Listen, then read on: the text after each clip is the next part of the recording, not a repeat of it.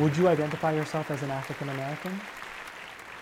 I actually don't like the term African American. I prefer black.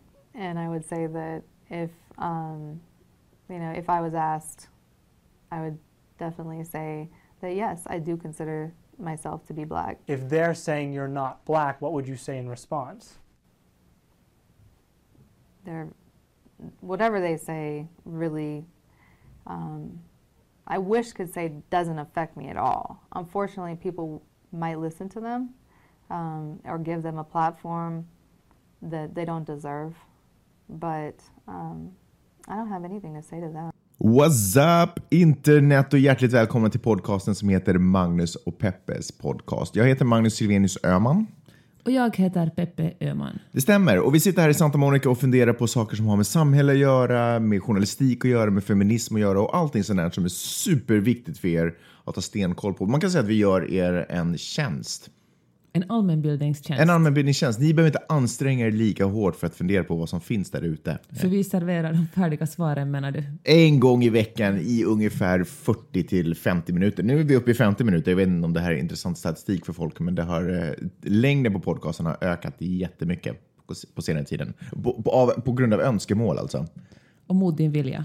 Nej, jag har... Jag har Du vill eh, att den här ska vara en kvart? Nej, jag, jag började så. Jag tänkte att det skulle vara snabb och effektiv. Man bara bam, bam, bam, bam. Det här är de tre grejerna du behöver veta. Bam, bam, bam. Men eh, skitsamma, vi snackar ut lite om saker. Eh, vi, vi, vi måste ju förklara vad vi hörde här i början.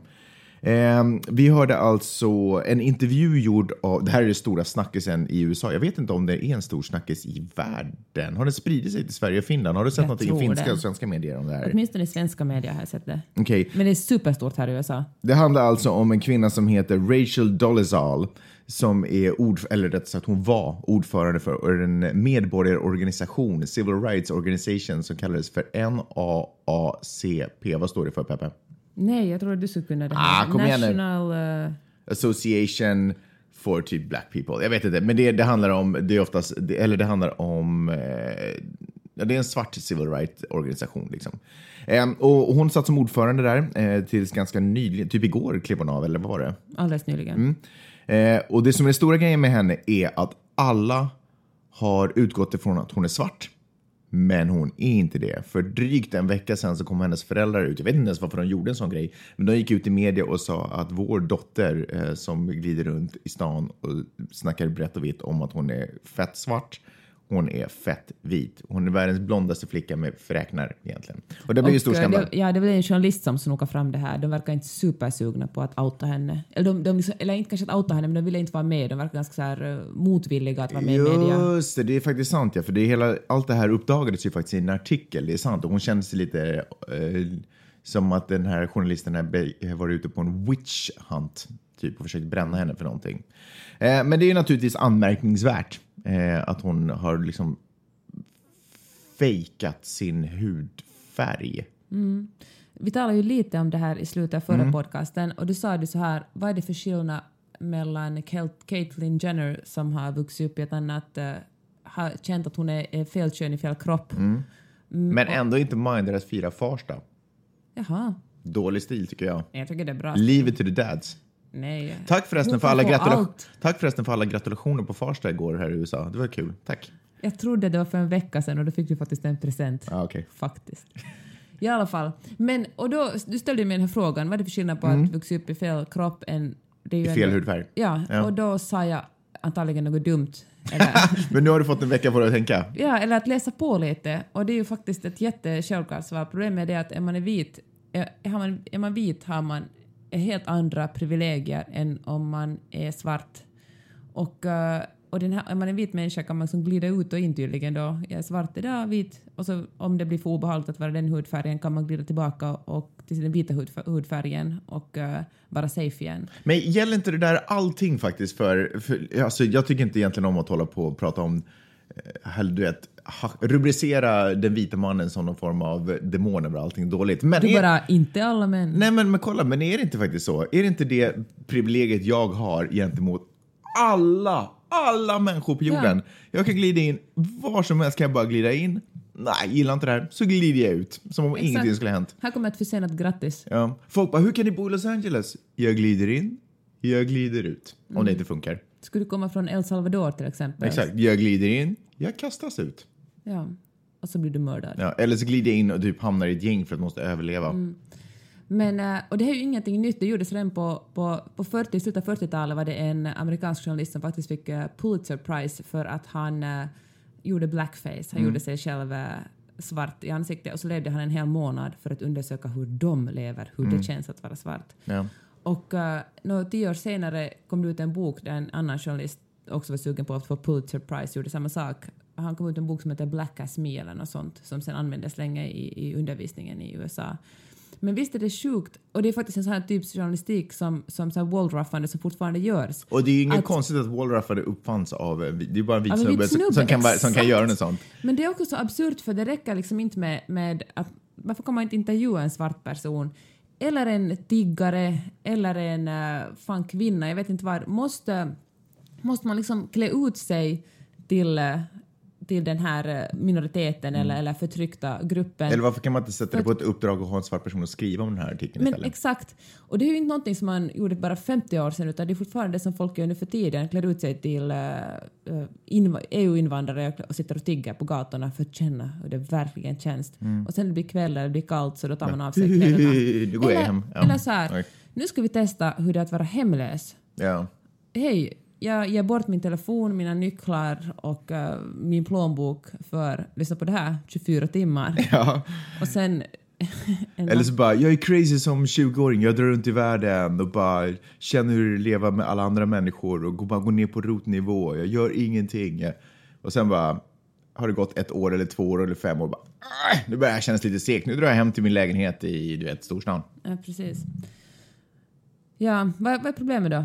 Bristen på att Nej, se alltså- sina egna privilegier? Det var någon som sa det här när jag kollade, för det har ju varit på nyheterna överallt det här. Och det var någon som sa det ganska bra i en nyhetsstudio här. Everybody wants to be black until the cops show up. Och det är precis det det handlar om. Eh, eh, och och där, därför, det är ju den stora skillnaden naturligtvis mellan Bruce Jenner och den här tjejen. Men, men samtidigt så måste jag ju ändå säga att hon har ju inte gjort någonting fel egentligen. Hon har ju bara känt väldigt starkt och inte jag menar, jag tror inte nödvändigtvis att hon har i något skede försökt claima någon white privilege eller någonting annat, hon, utan hon har känt en otroligt stark tillhörighet med den här gruppen. Så pass mycket att hon har engagerat sig i en medborgarorganisation Och och, och jobbat sig upp Men- till toppen för det här och säkert gjort en massa bra saker. Jag tror inte att det, hade hon varit svart så att säga så hade ju ingen reagerat på att hon har gjort ett dåligt jobb.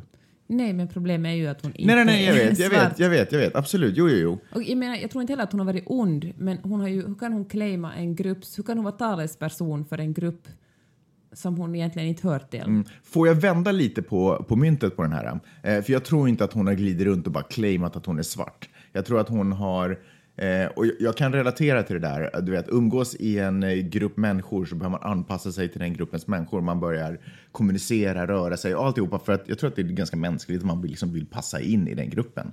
Och om hon nu har eh, rört sig i en, eh, en miljö där det huvudsakligen är svarta amerikaner som arbetar så har hon säkert börjat liksom anammat eh, språk, anammat ord, anammat det, det, Kulturen, det, liksom. det är arbetskulturen som de har eh, och så. Eh, och sen är det någon, eh, och, och, och klädstil och allt det annat sånt också, helt säkert. Eh, och sen är någon på något sätt eh, i misstag kanske utgår från att hon är svart utan att hon i något skede ens har sagt det eller försökt hävda det.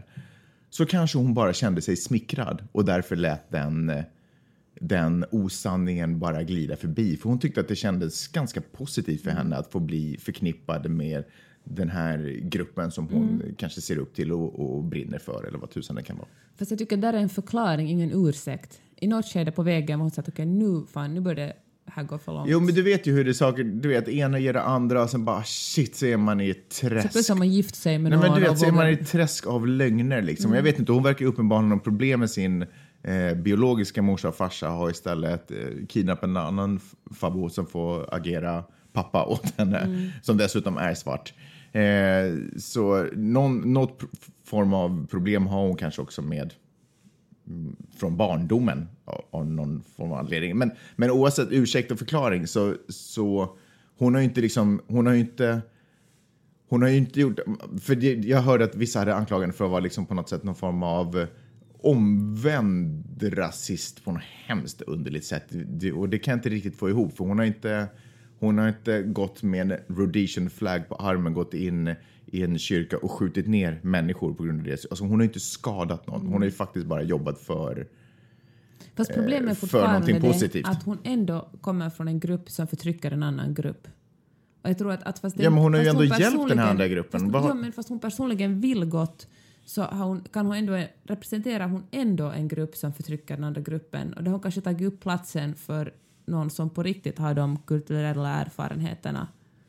Ja, ja att, du, att hon har suttit på toppen. Ja. Och, ja, ja, precis. Hon Ja, har fått hon, liksom stipendium hit och dit och till och med, jag vet, nu kommer jag inte ihåg vilket något som högt rankat universitet för att, som bara liksom människor som inte vita kan få.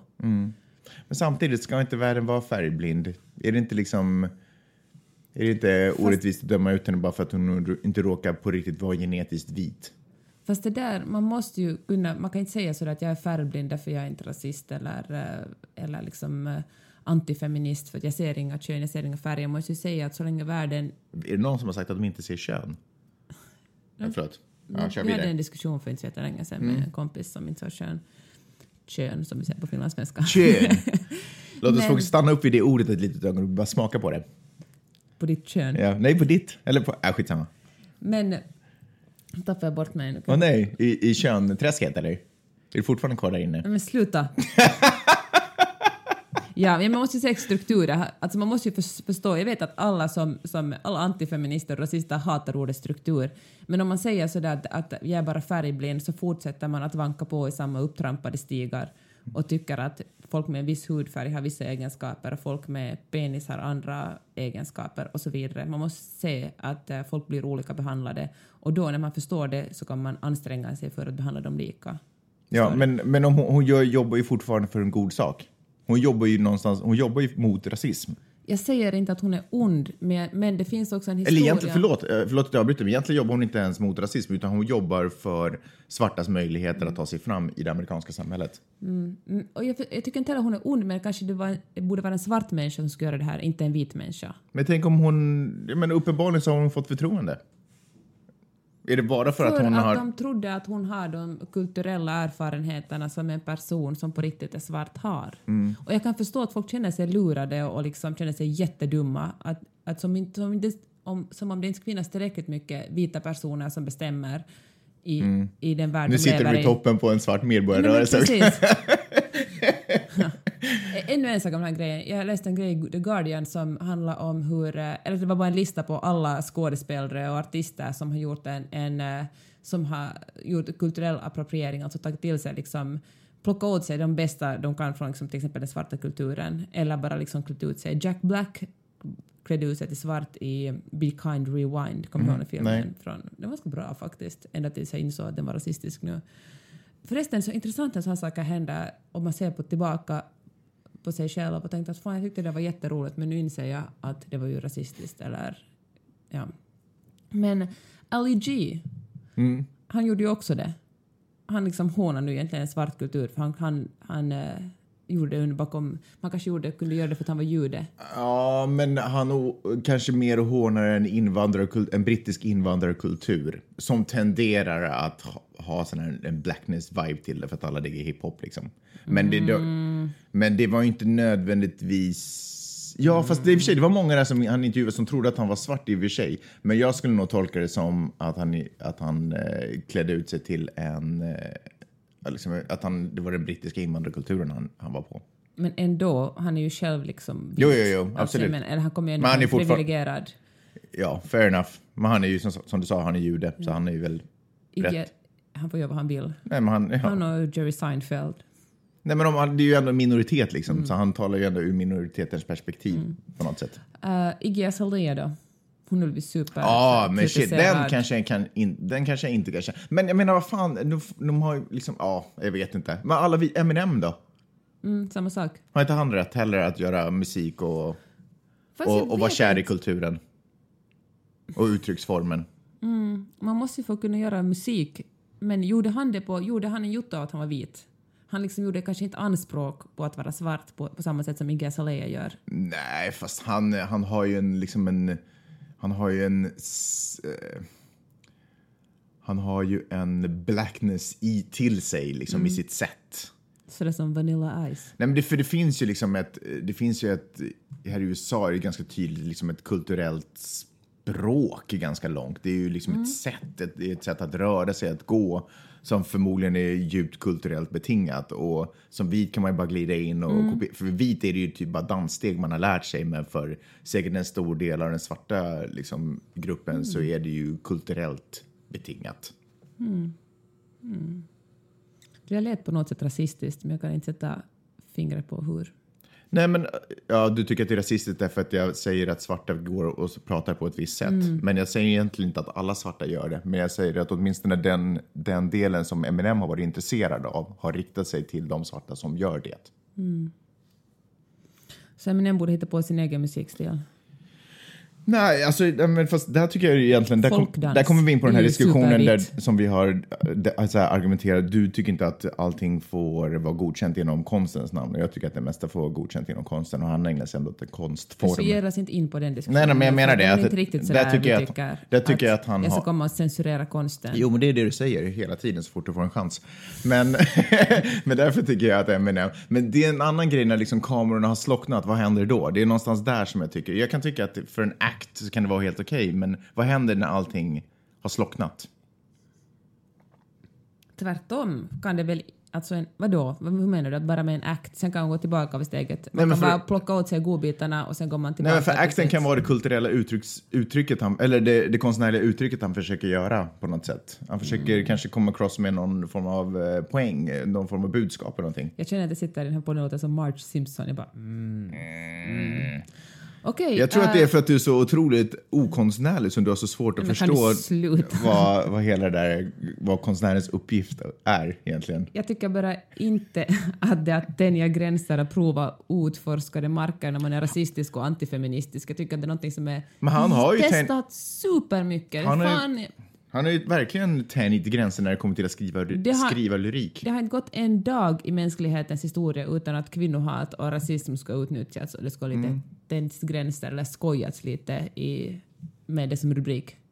Så ja, det är sant. Så det känner inte att det är någon slags nytänkande konst på något sätt. Nej, nej det är sant. Det, är bara ett normaliserande av beteende. Okej, och nu när jag börjar säga normaliserande måste vi gå över för att den här diskussionen hade vi i förra podden. Vi snackade inte om Eminem förra podden. Nej, vill du säga något om honom ännu? Nej, jag, jag är klar med Eminem. Jag är klar med Eminem. Okej, vi går vidare. Ja. Det är en superobehaglig sak som jag egentligen skulle vilja avfärda som eh, stollar och, och trams, men det gör mig på riktigt, riktigt illa till mods. Det finns en, en författare som heter Timo Hännikainen som eh, är, han är 35, jag trodde han var 75, han är 35. Jag tänkte att det bara är Är rasism förunnat de gamla? Nej, nej, och inte kvinnohat heller. Men jag på något sätt tycker att det är obehagligt när ändå en relativt fräsch eh, generation inte vet bättre utan att det går i samma rasistiska och, och antifeministiska banor som tidigare. Under midsommarhelgen så har han, eh, har han gått bärsärkagång på Facebook och skrivit vidriga saker på eh, Kvinnosaksförbundet Unionen som är en feministisk opolitisk organisation och på eh, uh, Naisten linja, Kvinnolinjen, som är en, en, en, ett, en skyddsförening för kvinnor som blir eh, misshandlade av, av sina män. Så när man sitter och just har fått stryk av sin man och kanske försöker skydda sina barn så då kan man ringa till Naisten linja och försöka få hjälp och de kanske kan ordna skyddsrum åt en. Nå, den, här, den här författaren hade skrivit att uh, här på Kvinnoförbundet Unionen har han skrivit att uh, jag har knullat era, era, era döttrar i röven, så mycket bryr jag mig om, om, om er och skrivit uh, varför gör ni inte reklam för, uh, för eh, uh, thaimassageställen? Det är bara för att ni är avundsjuka för de är bättre på att suga kuk än vad ni är. Och en massa Sieg Heil, neger, neger, neger, Hitler, Hitler, Hitler, Hitler. Han skriver på de här två, de här två Facebook-sidorna till de här grupperna. Och uh, så läste jag lite, forskade lite mer i honom om, om vad han har skrivit. Han har kommit ut med en bok som handlar om hur synd det är om män som inte får tillräckligt mycket sex. Och uh, hans förslag är, är då helt Alltså, jag förstår, det kan inte vara seriöst, men han tycker att när män gör värnplikt så, så kvinnor, unga, då skulle staten kunna ordna bordeller under ett år där kvinnor skulle kunna jobba och sen ge män som inte får sex, sex på det här sättet. Det skulle vara deras äh, samhälleliga plikt. Och äh, Alltså det, är så, det, är en så, det här är då också en person som syns mycket i nynazistiska kretsar. Du beskriver honom som, du titulerar honom som författare, men han är inte de facto politiker nu också? Eller? Uh, han syns med, med högerextrema politiker, Okej. men han är, bara, han är än så länge bara författare. Okej. Jag antar att det, det är väl inte så någon hemlighet vilket parti han röstar på. Nej. Men eh, Alltså Sannfinländarna. Ja, men, eh, men på något sätt är det extra obehagligt för att eh, han, då liksom en, en, eh, han har suttit i Helsingin Sanomats någon slags läsarråd också, som visserligen avslutades förra året, men han har liksom haft, han har haft en, en, en han är liksom anta, antas vara en kulturpersonlighet liksom. Han har haft en, en, hans röst har blivit hörd då. Och, eh, och sen går han och, och gör sånt här, och det är väl inte heller första gången inte han har, han har gått bärsärkagång och liksom skrivit rasistiska, och liksom nynazistiska och kvinnor hat, hatliga antifeministiska texter på, på internet. Men då, nu har hans förlag som hans böcker kom ut på, går du, de har sagt sådär att de, de gick ut nu officiellt och sa att, att, att de har kommit överens om med den här författaren i all vänlighet att de avbryter samarbete. Och det gör, det gör mig alldeles... Jag, jag får lust att gråta faktiskt av den lilla saken. Kan inte förlaget säga då, hej, du är alldeles tydligt en, en antifeminist och en rasist. Vi vill inte ha dig som författare. Vi avslutar omedelbart samarbete. Och man är så himla Och tar avstånd till allting som Men han har sagt och alltihopa. Men det är precis den samma diskussionen att vi vill inte göra någon ledsen, det är en demokrati det här. Alla har rätt till yttrandefrihet, för det är ju det som han också hävdar till att det är hans rätt till yttrandefrihet. Frihet. Nej, men, samma, jag är så upprörd att jag inte ska säga R. Men det, det är så katastrofalt och då känner jag verkligen att, att om, om ingen tar till med hårdhandskarna så är det normalt. Då blir det här ett normalt ordbruk. Man får, det är inte så farligt, eller man blir van vid att folk skriver jag ska knulla era döttrar i röven på, på andra människors Facebook-sidor. Det är ju en sorts humor. Det är en grej som slog mig när, när du berättade det där. För min första reaktion är sådär, det där är ju för fan sjukt i huvudet. Den här snubben är ju sjuk. Och då bara, pling! Varför betraktas inte det här som en sjukdom? Varför är det här liksom normalt och vettiga, eller liksom att det här skulle vara åsikter som har som, som har konstruerats av en frisk hjärna. Det är ju en skada man har. Nej, vet Va? du vad? Jag håller helt, jag håller inte med det där. Alltså det är ju samma sak som att säga att den här snubben som gick in och sköt nio personer i kyrkan i, i South Carolina, Ja. att han är sjuk. Men det är klart att det är någonting fel i huvudet. Nej, vet du, så ser vårt samhälle ut nu. Det finns jätte, jättemånga människor som tycker att det är helt okej. Och när man säger att det handlar om en sjukdom, då gör man det till en, en, en individs galenhet. Då tar man avstånd från det och säger att ja, men sjuka människor håller på med sådär. Men nej, det finns jätte, Men varför då? Det finns, ju, människor. det finns ju eh, sjukdomar som drabbar stora grupper av människor. Men jag bara tänker att Det är ju inte malaria vi snackar om nu liksom. Nej men det är ju någon form av, det är någonting som inte har utvecklats normalt i hjärnan om man inte, alltså det det är på något sätt någon form av psykologisk process som inte har slutförts i den här stackars människans Jag kan, hjärna. alltså Som jag kan hålla den- med om att de är dumma i huvudet, men jag tycker att det är farligt om man börjar klassa dem som sjuka. Utan jag tycker att det Nej, men jag menar inte att de som individer, det, eller jo, eh, eller det finns ett samhälleligt fenomen som gör att de här människorna inte utvecklas normalt. Eh, Det är någonting som vi har gjort fel i samhället som gör att de här människorna inte utvecklas normalt. Och de borde ju tas om hand om och liksom på något sätt omprogrammeras eller få, eller, eh, jag menar inte, Du menar lobotomi? ja, nej men jag menar de borde ju på något sätt, men nu får de ju glida runt som om de har vettiga åsikter ungefär. Eftersom till exempel förlaget tar inte avstånd till dem. Att det, är liksom, det accepteras att alla ska få säga och tycka vad de vill. Det är ju ingenting som klassas som ett sjukt beteende i, det här, eh, i, den här, eh, i de här svängarna. Alltså det är ju ett, jag kan hålla med om det är ett sjukt beteende, men det är liksom inte en sjukdom, utan det är helt enkelt som vårt samhälle ser ut idag. Kolla liksom, över, Men- över, genom, hela, hel- genom hela Europa så är det höger, på gränsen till högerextremistiska Jag partier. tycker abs- ja, jag det handlar vet, liksom jag jag människo, det handlar om människoförakt och, och liksom, det är ingen slump att han hatar kvinnor och att han är rasist, utan att, att liksom, jag menar, nynazism och kvinnoförakt går ju hand i hand. Alltså, Jo, jo, Det handlar om ett, ett människoförakt. Och jag tycker att Ja, det är viktigt att vi inte ser det som en sjukdom utan som vi ser det som ett jättestort samhällsproblem och, och det är otroligt viktigt att, att folk börjar sätta ner foten och säga sådär att hallå, eh, du, är, du, du, liksom, du ser ner på människor och tycker att, att män och den vita rasen är på något det finns inga raser, men det, vita människor är, är viktigare och värderas högre än alla andra. Det, så är det inte i verkligheten. Jag tycker absolut att det borde ses som en sjukdom, men inte sjukdomen på så sätt att de har drabbats av en stackars bakterie och de, de som individer, de enda som glider runt med den där bakterien, utan som någon form av eh, som en utvecklingsstörning i huvudet orsakad av samhället i övrigt egentligen. Därför att det tillåts att utvecklas åt det här hållet. När vi istället borde sätta högre krav på föräldrar att, att på något sätt forma våra, forma våra barn till medmänskliga varelser. Ja, eller vi borde sätta högre krav på oss själva varje dag. Varje gång någon säger någonting rasistiskt eller, eller eh, något annat hatfullt på tunnelbanan eller bussen eller, eller någon berättar rasistskämt, vi behöver inte gå in och prata om hur mycket man får blanda in. Var, men varje gång någon föraktar andra människor borde vi sätta ner och säga så att hallå, det där är inte okej. Skulle man inte kunna börja straffa föräldrar för, eh, för idiotiska saker som deras barn gör? Det är ju inte, är inte på något sätt ett misslyckande i föräldrarollen om man har ett barn. Alltså om Vidde skulle glida upp, glida upp eller sådär växa upp och som 35-åring börja skriva hatfulla saker, skulle inte du känna det som ett misslyckande? Så, Såklart. jag menar, vi borde ju fan få böter för det då. Alltså du menar att man ska vara ansvarig för sina barn rest, så länge de lever? Nej men, nej, men man har ju satt en ganska bra... Man är, vi är ju redan ansvariga till 18 års ålder och man, knappast så fick han ju tanken som 34-åring. Liksom. Fast jag tycker att uh, kulturpersonligheter, eh, media, alla som har eh, mycket att säga till om, eller som har en stor publik, borde omedelbart gå ut och säga sådär, det här är helt oacceptabelt, det här, det här, så här får man, det här, det här går inte, det här liksom, vi, kan, vi vägrar acceptera rasism och uh, misogyni, vi, vi vägrar acceptera det. Istället för att är man tyst, är man en del av, uh, då håller man med. Om man bara förstår att det är obehagligt att blanda sig. Om man skriver något feministiskt eller antirasistiskt på internet så får man ju enormt mycket hat över sig genast. Men att bara våga, liksom våga stå upp. Ja, jag känner att jag börjar utveckla någon form av... eh, Alltså jag, jag hörde redan när jag sa det där eh, att alla de där är sjuka. Jag kände redan hur jag håller på att förvandlas till någon form av... Jag håller på att förvandlas till någon form av nynazist. Det var det att jag börjar... Det är liksom... Det är finländare på något sätt som min rasism riktas mot. Att jag börjar... Kanske... Det finns Sverigedemokrater, det finns Jo, jag liksom vet, jag vet, jag vet, jag vet, jag vet att det... Okej, fuck it, de får vara med också. Men, men det är inte så jag känner nödvändigtvis. Däremot kan jag tänka mig att Sverige skulle reagera annorlunda Men- på en sån Ja, galning för- som Timo Hannikainen. Exakt, för kolla, det som jag tycker kanske är den stora skillnaden är att jag vet att det finns supermycket smarta och vettiga människor i Finland. Det är bara det att de gör sig aldrig, de gör aldrig sin röst hörda. Jag vet inte om de tycker att de har viktigare saker att pyssla med.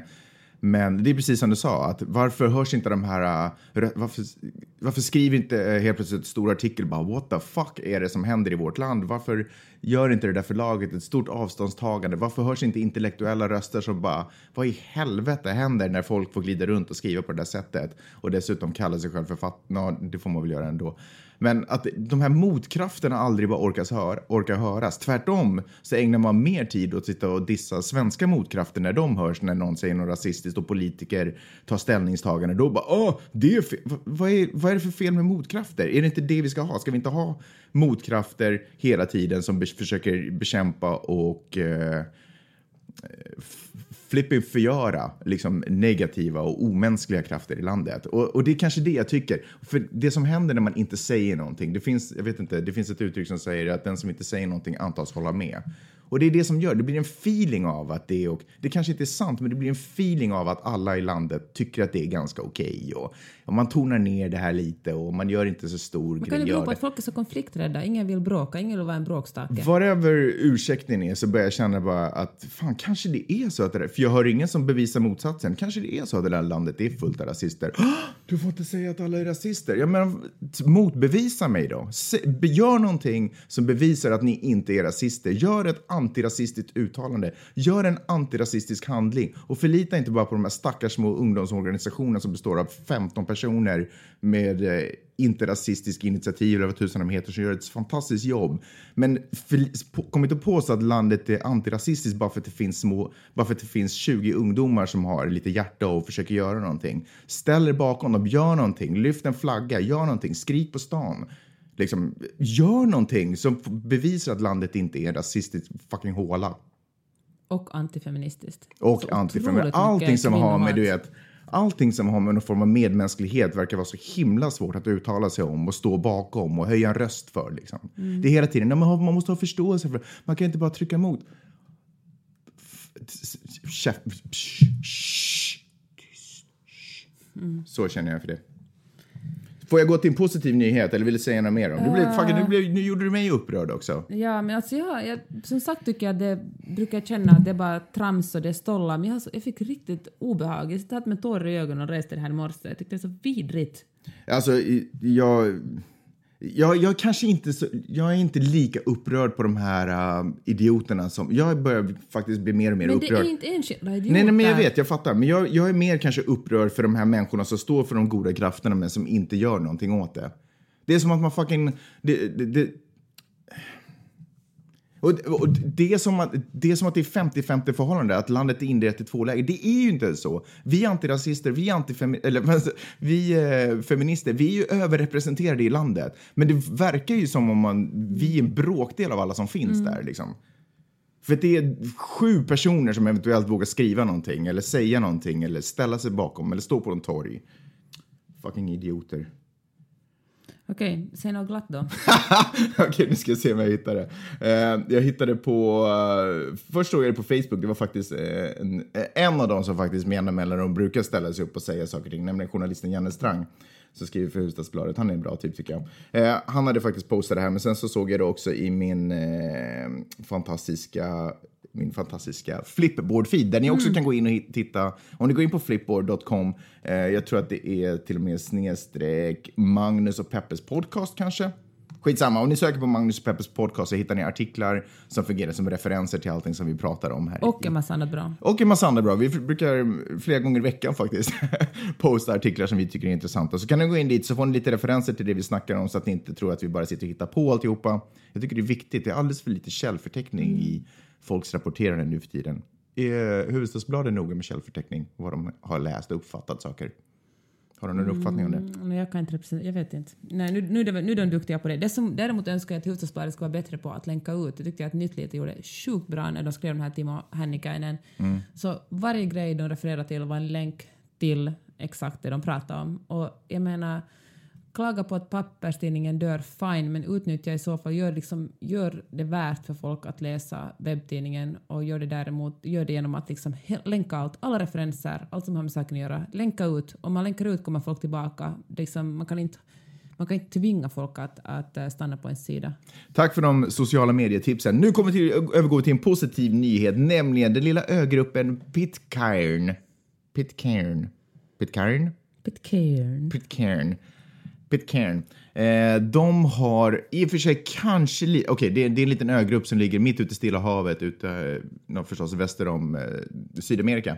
Eh, det, det är en liten ögrupp där som har i och för sig på inråd, som ligger under det brittiska styret, som i och för sig på inrådan av det brittiska styret som en rekommendation. som en rekommendation har godkänt eh, homosexuella äktens, samkönade äktenskap på den ön.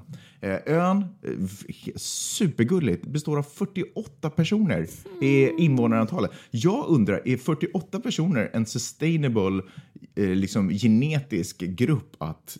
Alltså, hur, var, var de sju för några år sedan? Eller hur, hur, hur kan 48 Ta vara? din rasbiologi och gå, Magnus. Nej men alltså seriöst, det kan ju omöjligt vara... Det kan ju inte finnas jättemycket genetisk variation om det är bara 48 pers på en ö. Kan, de kanske tar in gästarbetare eller något sånt. Eh, då menar jag... Ja, jag vet inte vad jag menar. Jag vet inte. Thailändska bärplockare eller vad tänker du? Ungefär? Eller, Nytt DNA tänker jag kanske. ja, importera nytt DNA. Kanske de har det. Kanske de prenumererar på DNA från någon bank i Sydamerika. Eller från England kanske. Några gener. Ja. Ja, det är ungefär samma sak. Eh, en rolig, lite rolig kuriosa. I mitten på 1700-talet eh, så blev det myteri på ett eh, skepp. Och det, de här um, myterierna, myterierna, vad heter de?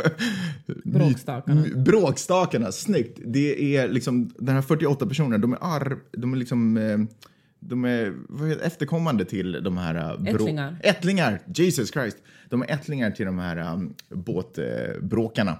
det tycker jag var en lite gullig historia faktiskt. Ja, ni, kan, ni kan läsa mer om det där på nätet någonstans om, om ni är intresserade. Men eh, det var en lite positiv nyhet från världen. Okej, det var det. Ja. Kan jag också säga en då? Ja, gärna. Jag läste en uh, superbra på The Atlantic som faktiskt är superlång, men också bra. Men jag tänkte att ingen orkar läsa något långt. Eller kanske folk orkar. Gå och kolla på Flipboard, det är superbra. Det handlar om att eh, det finns folk som jobbar försöka tjäna så mycket pengar som möjligt för att kunna donera så mycket pengar som möjligt. Mm. Det handlar om en snubbe som på Wall Street och som tjänar ungefär 100 000 i året, som kanske inte är så mycket på Wall Street. Men då vill han ge bort 50 000 till välgörande ändamål. Och här i USA finns ju den här liksom välgörande ändamålskulturen väldigt stark. För Ja, för det finns ju ingen social trygghet Nej, här. precis. Och eh, det är ju ganska tråkigt att det är på det här sättet. Men, men i alla fall, men då, då handlar den här artikeln om att hur ska man ge så man vet att ens pengar får mest nytta och hur mycket ska man ge? Och eh, det var inte den här författaren till eller journalisten. Vet du, jag- det där är ett ämne som kommer göra mig upprörd igen känner jag. För det där är så himla stört. Varför det? Att man sitter och ens funderar på var ska, var ska jag placera mina, mitt överflöd av pengar så att de verkligen hamnar rätt och kommer till rätt person. Fucking ge. Det är liksom, låt någon annan ta hand om samvetet. Ge bara. Ja, förlåt, säg. Men det handlar om att man maximerar nyttan, alltså inte för sig själv utan så att pengarna verkligen kommer fram. Och, eh, och då, då filosoferar den här journalisten som har skrivit texten hur mycket man ska ge, hur mycket är liksom eh, reasonable att ge. Och då, då finns det ju sådana här, undersökningar som visar att efter att man tjänar nu vet jag, någon sa 75 000 om året, nu vet jag inte om det är en familj eller en, en person, det ger mycket pengar, men efter det så stiger inte ens lycka så hemskt mycket mer. Det beror också säkert på var man bor. Bor man i LA så är det inte så hemskt mycket. Men, Men det där är också sådär vita, att sitta vita västvärlden sitter och definierar när lyckan tar slut, när pengarna inte mer har makt. Le på gatan ett tag så ska vi se när det liksom, vilken relation man har till pengar då. men i alla fall så kom man fram till slutsatsen om alla bara skulle ge lite mera pengar än eh, vad vi nu ger. Det här är förresten ganska aktuellt i Finland som då kommer att slopa hela biståndsstödet, nya regeringen. Vi har liksom vi har gett 0,7 tror jag av BNP tidigare och då, har, då tror jag Sverige har gett 1,1 åtminstone förr i tiden när jag var på UM. Det kanske har förändrats nu. Och jag tyckte att det är lite skämmigt för att vi är så lite. Nu är det så otroligt skämmigt att ta bort liksom bara vi tar inte in några invandrare, whatever. vi har inte något bistånd. Vi- Men i alla fall, vi slutar snacka om det där landet, jag orkar inte. om, om alla skulle ge lite mer än eh, vad de vanligtvis ger skulle det hjälpa supermycket. Mm. Och det som folk dö, dör av mest i världen är tydligen malaria. Så att i malariamediciner kan man räkna, rädda jätte, jättemånga barn och gravida kvinnor. Mm. Så att eh, om man sitter där och funderar på om man ska göra sitt överflöd malariamedicin. Ja. Boom! Boja! Var det allt vi hade pratat om den här veckan?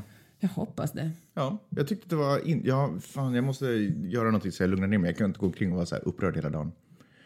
Kanske jag tar ett dopp i poolen. Hörni, eh, tack så hemskt mycket för att ni har lyssnat på vår podcast. Tack också för att ni prenumererar. Om du inte prenumererar, börja prenumerera. Absolut, det är det säkraste sättet att få den här podcasten i din ficka om du till exempel har en smartphone.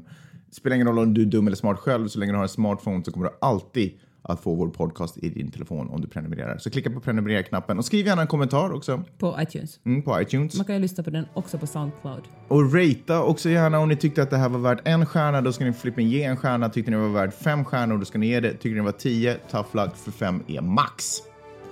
Och uh, sköt om er. Sköt om er och vi hörs nästa vecka. Hej då! Hej!